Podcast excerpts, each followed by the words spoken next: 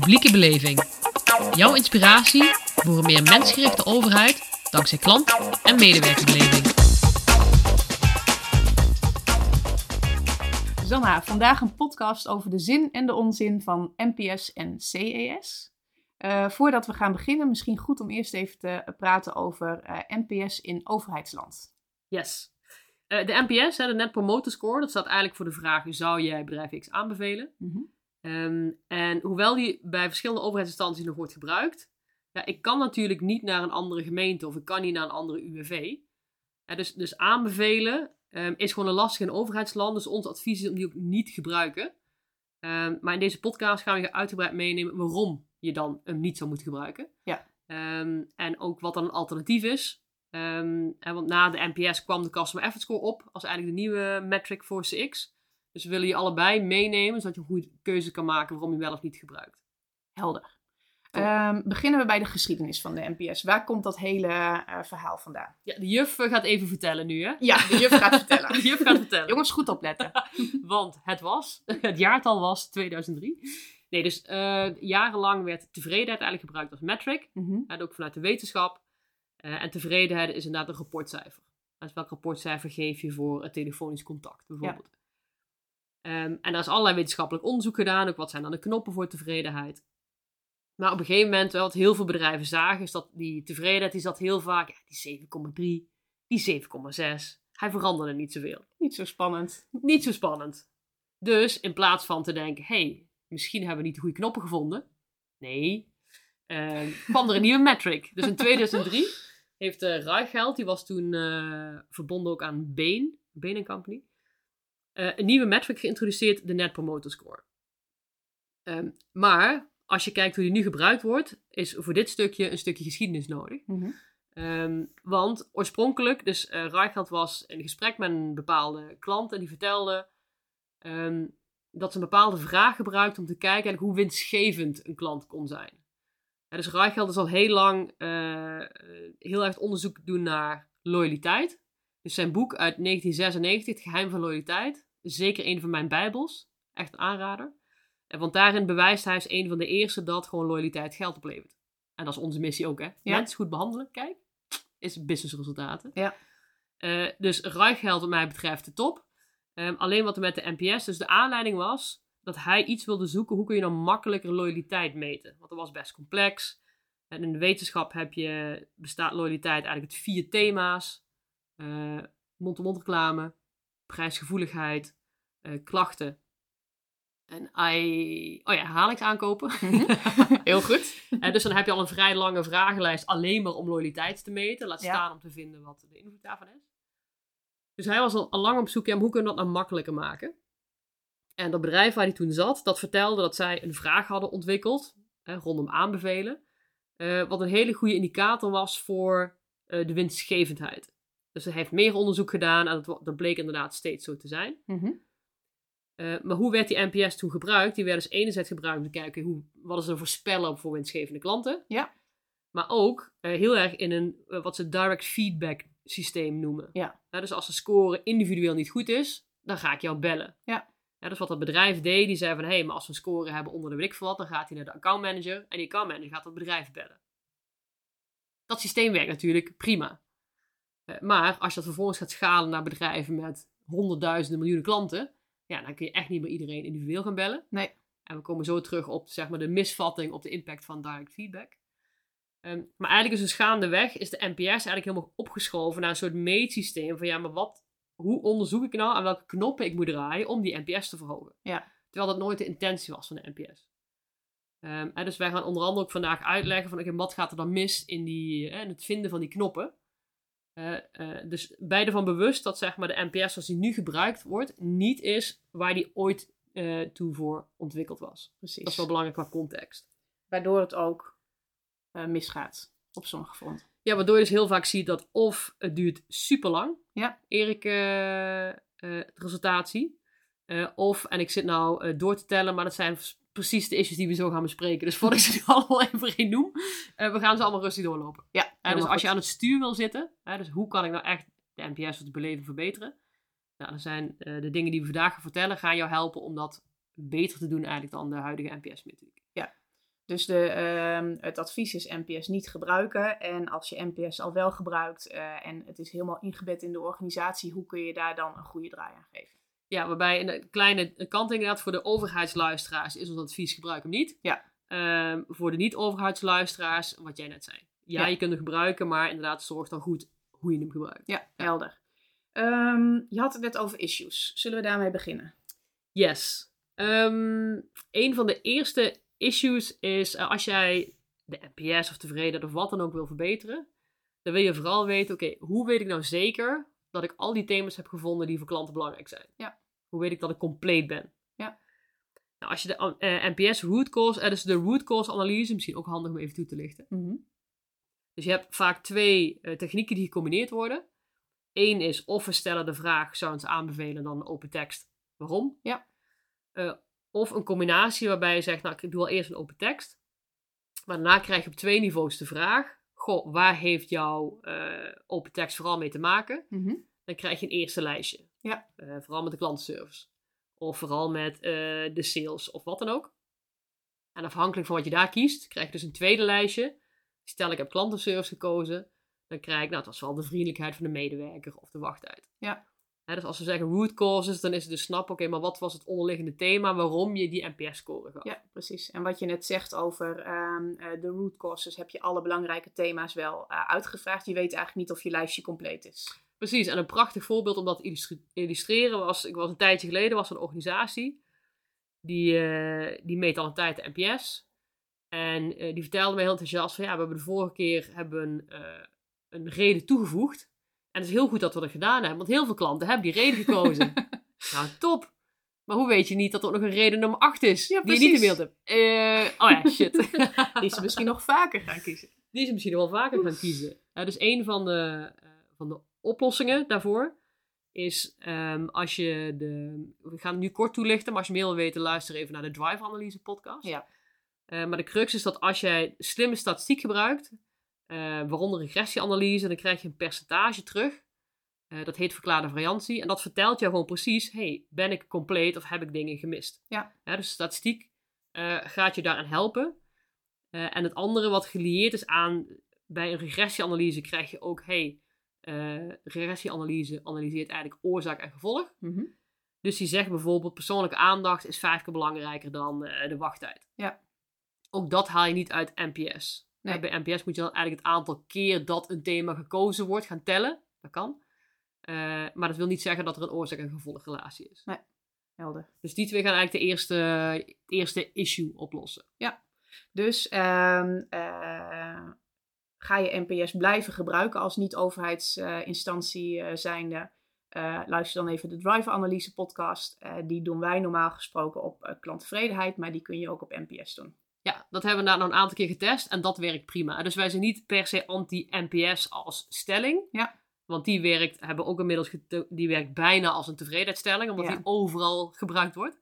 Eh, maar ons commentaar zit vooral op hoe vind ik nou echt de knoppen. Hè? Dus wij, ons commentaar zit op de root cause techniek. Ja. Dus de root causes eh, naast je neerleggen en eh, lekker je eigen drivers gaan draaien. Precies. Ja. Lekker slim statistieken erin gooien. Precies. Oké. Ehm, nog meer. Ehm, ook een beetje gelinkt aan die eh, statistiek Mhm. is, ehm, ik vertelde net dat heel vaak de één vraag met een open antwoord wordt gebruikt. En als jij ehm, die vragenlijst krijgt en ik vraag, hey Miranda, zou je ons aanbevelen? Dan zeg je, nou, ik geef een 8. En dan komt een waarom-vraag. Dus dan ga je nadenken. Ja.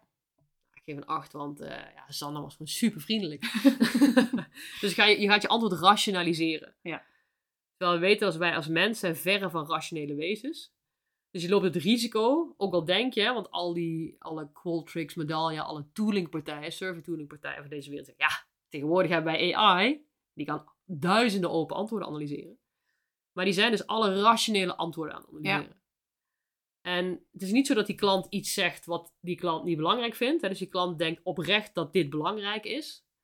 Ehm, maar dat is vaak niet zo. Hebben meerdere keren getest. Het is niet zo dat er een klein verschil zit tussen rationeel en latent. Eh, maar als je het zeg maar klanten vraagt, dan staat degene die onbewust het belangrijkste is, die komt bijvoorbeeld nummer 5 pas. Ja. Dus je kunt echt goed ernaast zitten. Ja, precies. Eh, en dat heeft ook heel erg te maken met, eh, met het verschil tussen eh, dat heel veel metingen überhaupt, maar ook NPS-metingen, daar zitten bijna allemaal transactionele dingen in. Mhm. Hè, dus de doorlooptijd of de facturen. Nou, en bijna nooit zijn dat de nummer één drivers. Ja, dus ook als je de vragenlijst gaat maken, zorg dat je ook echt genoeg emotionele dingen erin hebt. En in overheidsland is dat ook een mooi bruggetje naar publieke waarden bijvoorbeeld. Dus dingen als ik voel me met respect behandeld. Ehm, ik voel me als mens behandeld, niet als nummer. Ehm, mijn stress wordt verminderd. Dus zorg dat je ook de transactionele en de emotionele, die balans. Maar je moet niet eh, geen transactionele dingen erin stoppen. Maar vaak is het alleen maar transactioneel. Ja. En zorg dat je ook daar eh, de goede thema's erin hebt. Ja, precies. Oké, Volgende. nog een stukje over Benchmark. benchmarking. Ja, dus heel veel bedrijven vinden het heel belangrijk om te benchmarken. Ehm, Dat kan mooi met NPS, want heel veel organisaties gebruiken het. ja, en dat is precies, dat is een, een mooie inleiding, dat is precies de valkuil. Wat gebeurt er namelijk inderdaad? Hè, iedereen meet NPS, dus dat is echt het pluspunt van de NPS, is de beste marketing ever. Hè, dat Ja. al, bijna alle bedrijven het gebruiken. Ja. Eh, dus je kunt gaan benchmarken, eh, maar 9 van de 10 keer weet jij niet met welke NPS-meting je aan het benchmarken bent. Dus heel vaak zijn er bedrijven bijvoorbeeld die de NPS op een touchpoint meten. Mhm. Dus ik meet de NPS direct na telefonisch contact. Super handig, want dan is hij hoog. Dan is hij zeker hoog. Eh, maar stel dat in een telefoongesprek ik aan jou iets vraag. Jij, stuurt, jij belooft me iets te sturen en dat komt nooit meer. Ja, dan heb ik een hele hoge touchpoint NPS. Ja. Maar daarna heb ik geen, ik heb geen werkelijke score. Nee. Ehm, dus vaak als jij eh, benchmark cijfers gaat vergelijken hè, tussen de Coolblues en weet ik wat. Mhm. Ja, dan is de kans misschien best groot dat dat een touchpoint NPS is. Terwijl jij dat zit te vergelijken met jouw jaarlijkse relationele NPS. Ja. Ja, dus dat is een, eh, een valkuil.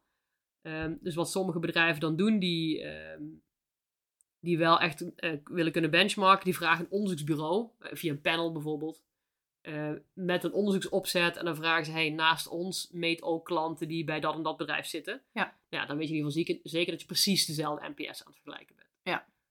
Maar side note voor benchmarking. ehm, ik maak altijd het bescheiden grapje.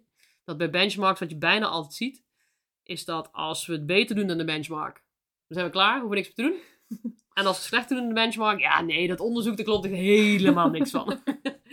dus benchmarking, ons advies is, benchmark vooral continu jezelf. Ja, Ja, als je maar continu jezelf verbetert, ja, dan eh, ben je in een stijgende lijn omhoog aan het gaan.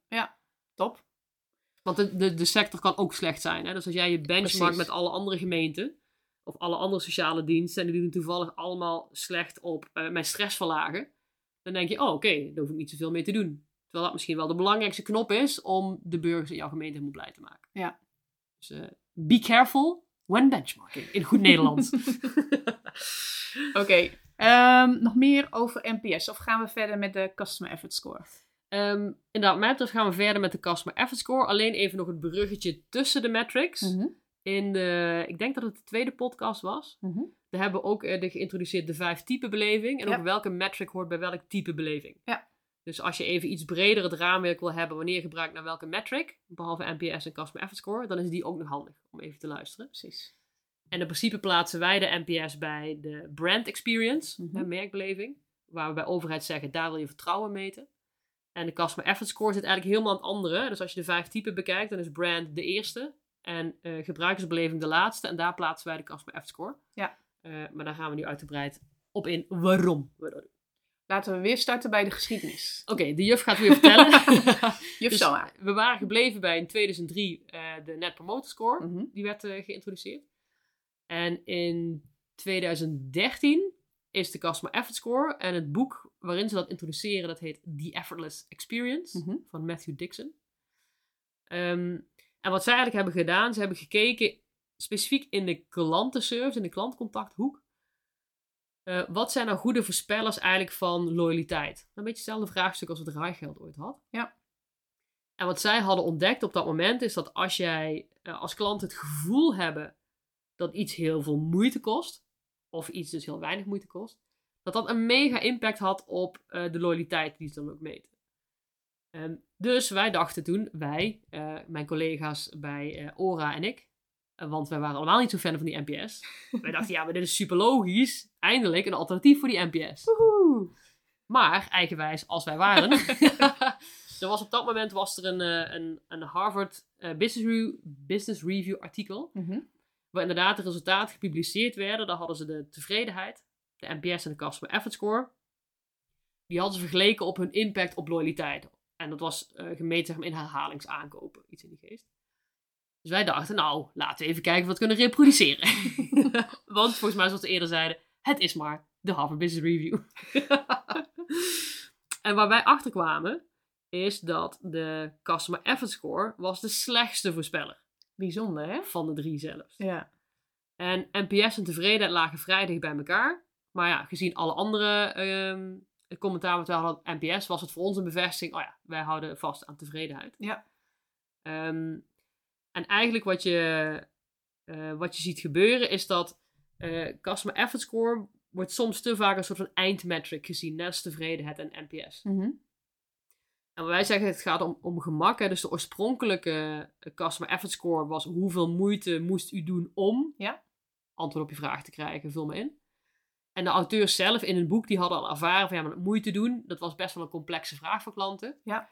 Dus die is er omgedraaid naar eh, bijvoorbeeld de app maakte mij makkelijk om mijn factuur te bekijken. Het is er omgedraaid naar gemak in ieder Ja. geval. Ehm, maar als eindmetric, dus als jij zegt, goh, voor telefonie of voor een journey is mijn eindmetric gemak, ja, dan mis je heel veel dingen. Dus wij zeggen, je kunt best gemak meenemen, maar neem het mee als een van je drivers voor tevredenheid of voor NPS. Precies. Ehm, want ook als je kijkt naar de Customer Effort Score, dus waarom plaatsen wij die bij, eh, bij UX, bij gebruikersbeleving? Mhm. Omdat de vraag, de app maakte mij makkelijk om iets te doen. Dat is super transactioneel. Ja. Dus die wil je ook plaatsen, letterlijk zeg maar een beetje op de pagina van die app waar je dan zit. Een pop-upje, hey, eh, maakt het makkelijk om te doen wat je hier aan het doen bent. Eh, en dan een open vraag stellen. Hè, want bij de NPS zeiden we net, pas op, want dan krijg je alleen maar rationele antwoorden. Mhm. Maar bij de Customer Effort Score is het zo transactioneel, het is zo gericht, dat je daar perfect open vragen kunt stellen. Maar dan wel gericht afhankelijk van, hè, dus een schaal 1 tot 5. 5 is super makkelijk. Je zegt, hey, als het een 5 is, nou top. Eh, wat is het ding wat het voor jou super makkelijk maakte? Of als het eh 1 of 2 is, oei, wat is één ding wat we hadden kunnen makkelijker te maken? Ja, waardoor je heel makkelijk eh, kunt gaan verbeteren. Precies. En Ja. dan kun je prima AI erop loslaten, want het is gewoon hele transactionele data. Dus dan kun je prima gaan kijken hoe vaak wordt wat genoemd. Mooi. Mooi hè? Hij is helder, denk ik. Ja, wat mij betreft wel. Ik sta- zat nog even te kijken naar onze notities, maar volgens mij hebben we alle eh, elementen gehad. Dus inderdaad, als je meer wil weten, luister even naar die vijf type beleving. Eh, hoe verhouden alle metrics zich tot, tot elkaar? Ja. Maar kijken naar NPS en CES, dan zijn dit eh, de belangrijkste overwegingen waarom je, nou, misschien niet zozeer waarom je het wel of niet moet gebruiken, ook wel, maar vooral wanneer je het wel of niet moet gebruiken. Precies. Top. Dankjewel. Graag gedaan. Tot de volgende. Tot de volgende.